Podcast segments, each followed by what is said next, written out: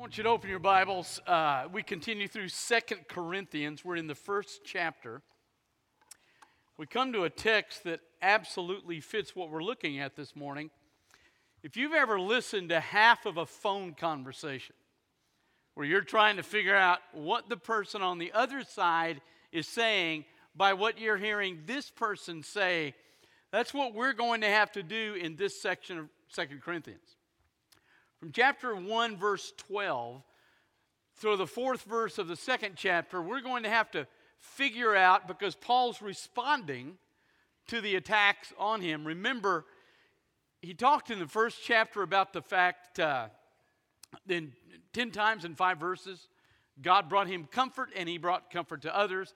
Then he talked about his affliction that he nearly died, probably fighting wild beasts in Ephesus, which he mentions in chapter 15 of first letter to the Corinthians.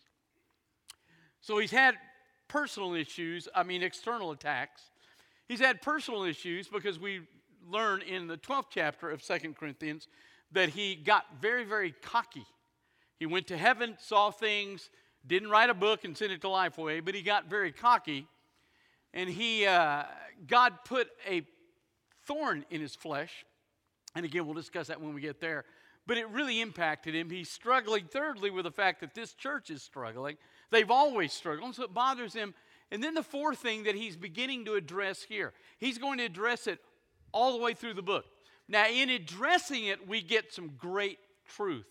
But what he's going to address from verse 12 all the way through verse 4 of chapter 2 is that there are people busting his chops. They've come in behind him and they're just ripping him apart as a matter of fact, listen to the 10th chapter, the 10th verse. Here's what it says.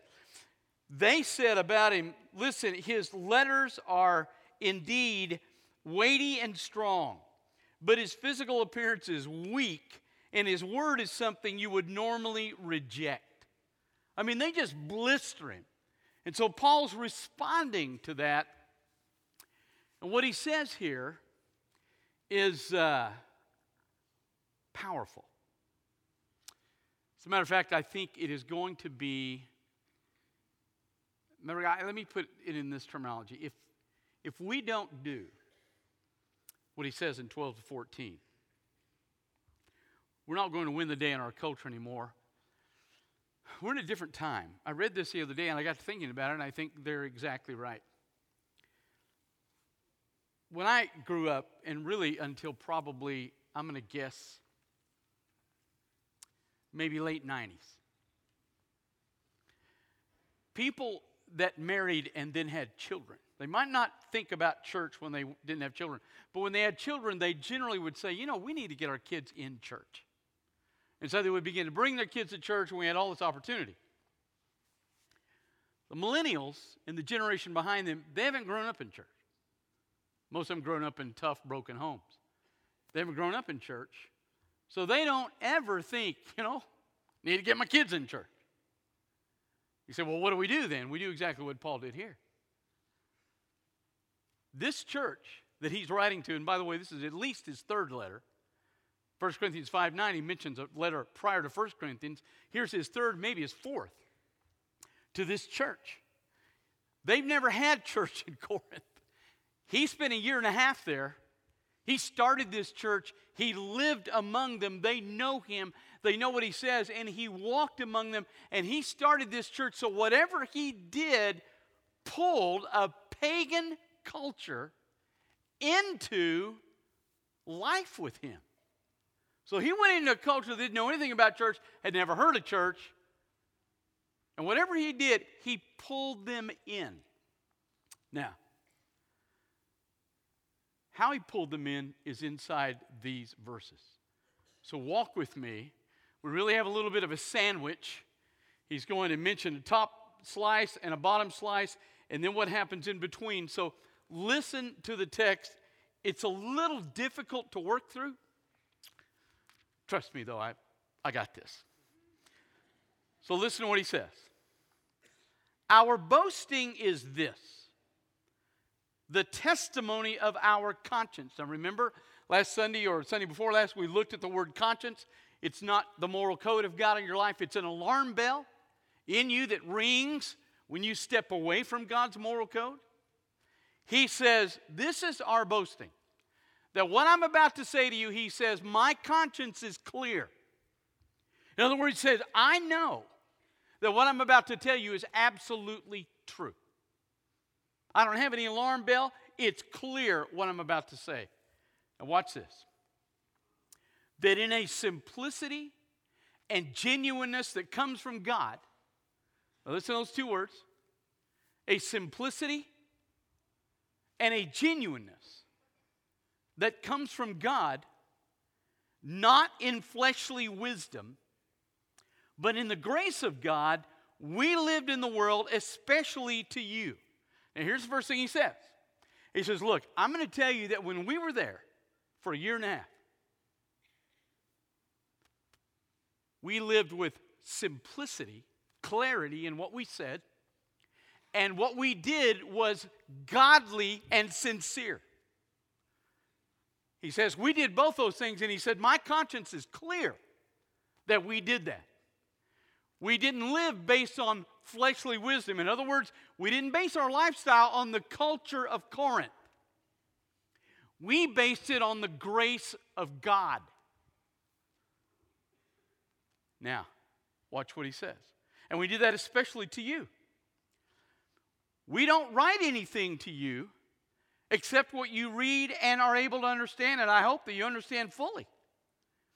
Just as you knew us partially when you did, that our boasting was indeed in you and you in us in the day of the Lord Jesus. Here's what he says He says, We lived in simplicity and genuineness in front of you. We lived out the grace of God. We didn't live in the wisdom of Corinthian culture. He says, What I'm writing you right now, and what I've written you two times before at least, you're able to read and you're able to understand. He said, As a matter of fact, when you partially knew us, when we first came to Corinth and you didn't really know that much about us, you partially knew us and we brought you to Jesus and you embraced Jesus, you realized, man, we're going, when Jesus Christ comes, we are both going to boast in each other because we're both going to meet him in the air. So he says, My conscience is clear. Number two, what you know about us is clear. Even when you partially knew it, you know, and now when we write to you, you understand what we're writing because you know how we were. I know and you know. Now that's really what he says. He's wordy because he's obviously an academic. Gotta love seminary guys. That's what Paul was. So he's wordy. But what he basically says is, I know and you know that when we were there for a year and a half, I taught with clarity and I lived in a genuine attitude from God. In other words, here's what he says When I was there for a year and a half, I know and you know that my life both in speech and in action, was authentic. It was legitimate. What I said was authentic, how I lived was authentic. I know it, and you know it. You knew it from the beginning, and now you know it. So when you read what I write, you understand it's authentic because that's not what I say, it's also the way I live. His authenticity was appealing in this culture. If you were a Gentile in Corinth and you get up and you have a bad day, here's what you had to do. Your belief system was this is what all the Romans and Greeks believed that there are a bunch of gods, right? Several and so you had to figure out which God was hacked off at you and what you did that hacked that God off. Now, that's a miserable existence. To get up every day, something bad happens, and you go, well, let's see, there's 150 gods. I don't know which one I made mad. I got to figure out what I did to make them mad. And then, on top of that, you've got to correct it. You've got to do something to make that God go, okay, I'm not mad at you anymore. It was a miserable life. Paul comes along into Corinth and says, hey, one God, even if you rebel against him, his grace will forgive you, and you don't have to do anything to be right with him. He's already done it to make you right with him. You're okay. If you're a Gentile, you're like, yeah, better deal. I have to worry about one God, he's okay. It was a much better deal. And so his authenticity between what he said and how he lived transformed and pulled the culture to a church they'd never heard of before. So, if we're going to impact a culture that no longer believes it should be in church, we have to be authentic. You say, what we have to be authentic to? That cross, this table.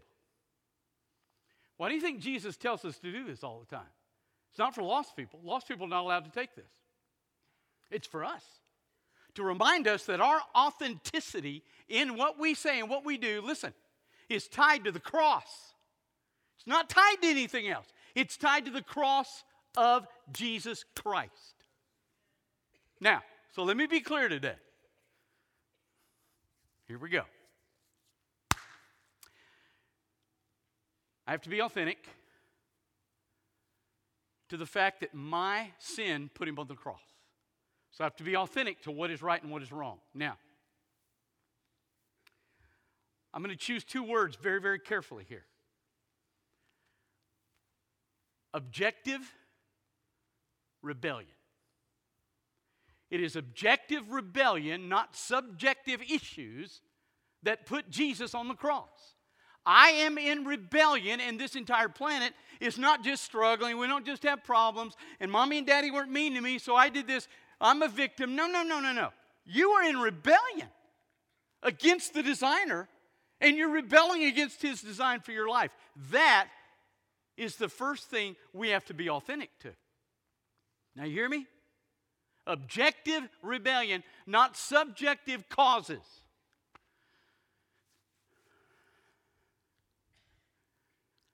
Let me just get in total trouble here. Every church in every city has three groups of parents in it people that homeschool, people at private school, people at public school. And here's what I've discovered they're all passionate about what they've decided. And they all believe that what they've decided is God's way. Now, I could be wrong. You can email me, I'm good with that. I read them, I don't always answer them, but I read them. But I can't find anywhere in here where it talks about public, private, or homeschooling. It's not even in the Greek, it's not in here. But I mean, we have Christians that disfellowship from each other. We have homeschoolers say, well, put your kids in private school, you're just throwing away money for nothing. We have private school people look at the public school people and say, well, your kid's going to come out really bad because it's not getting training there. I'm telling you, it's, it's bad. You're evil.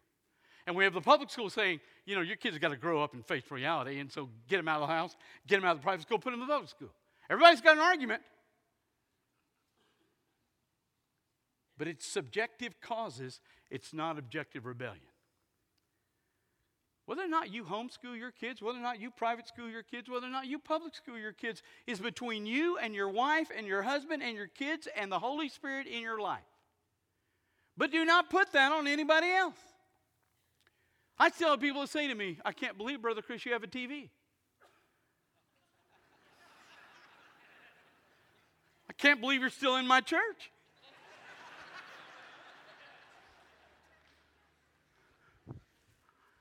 I mean, the Masters this next weekend. Don't let anything bad happen to you Friday, Saturday, or Sunday. My phone won't ring, it's on silent. I'll send you John Maurer. He'll. John, you're on call. Don't put your junk on me. Don't put it on each other. That's not authenticity. Authenticity is when we're honest about what is really objective rebellion against a designer of the universe because we're in rebellion against his design for us, not our design for ourselves. Number two. The second thing I'm authentic to is that inside that objective rebellion, he still loves me. Bible says God demonstrated his love in that while we were yet sinners, while we were in objective rebellion against the design of the Creator for us, he demonstrated his love for us when Christ died on the cross. This cross is a demonstration that God loves us in spite of our objective rebellion. So, you have to love what you may struggle to love. If, and again, I only know Baptists, so I'm just talking to us. If you have a, two ladies who go to another state and get married and move in next door to you, and one of them all of a sudden has a surgery, and the other one stays in the hospital with them, then you need to go over, mow the yard, feed their dog, not their cat, but their dog.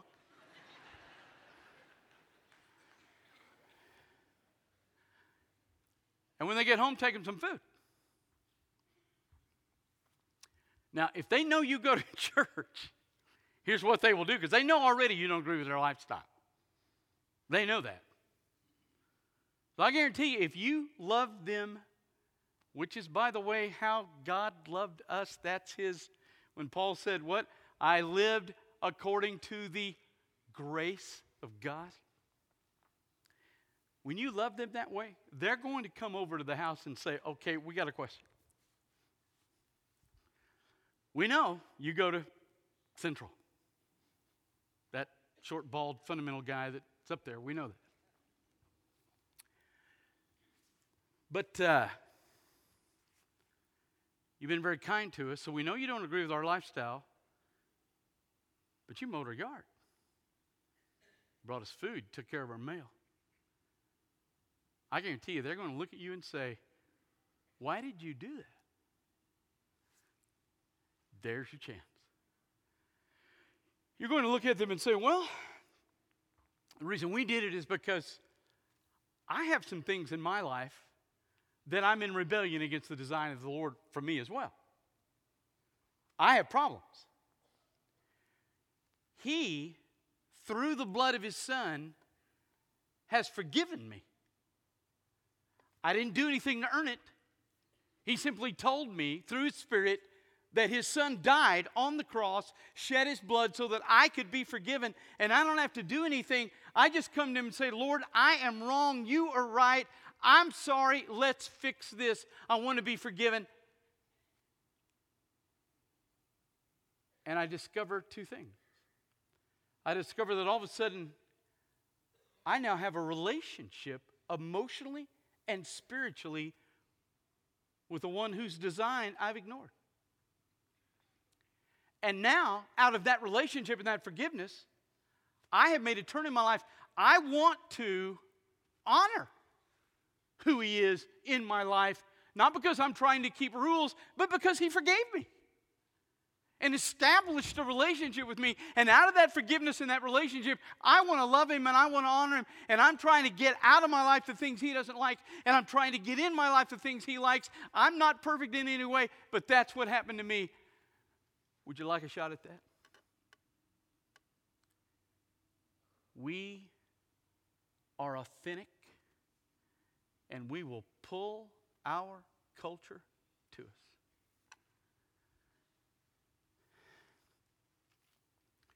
It is amazing to me how powerful authenticity is.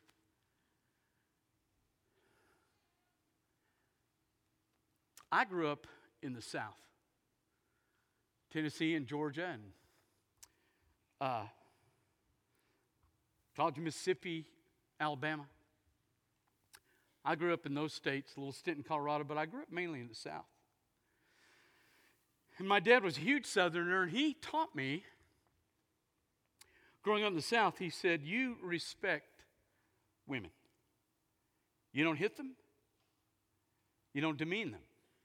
They come to the table, you stand up, you open a door. I really think most people are that way. We got a guy running for president that even the evangelicals, people like us, are falling for, who has demeaned this table and has absolutely trashed women. Talked about Carly Fiorina and said, Do you want to look at her face all the time? What kind of trashy talk is that? He's the leader in the Republican Party. Why? Because he's authentic. He says what he means, and he means what he says, even if it is derogatory to people. It's interesting to me, though, that there's been a correlation event here. His numbers have begun to go down as his authenticity on abortion has begun to fail. First said, "Oh, I'm pro-life." Now all of a sudden he's saying, "Listen, let's let's let's just let the law stay like it is." It's interesting to me. Evangelicals and lost people both crave somebody who's authentic.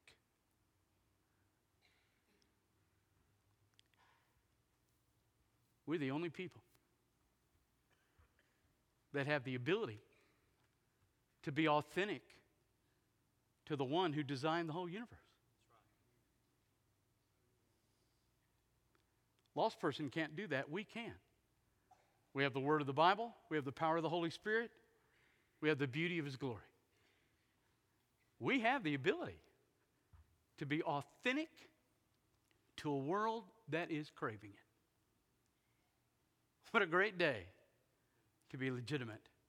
We need to remember that when we take this table today. Father, thank you for so many people in this room that are absolutely authentic. I see their lives, I see their walk. Father, none of us is perfect, but there are so many in this room that are authentic. It's obvious your world craves and we have the chance to be correctly authentic. Drive that into us. Father, there's somebody here today that has never met your son, touch their heart even right now. Father, for those that need to be a part of this fellowship, you speak to them.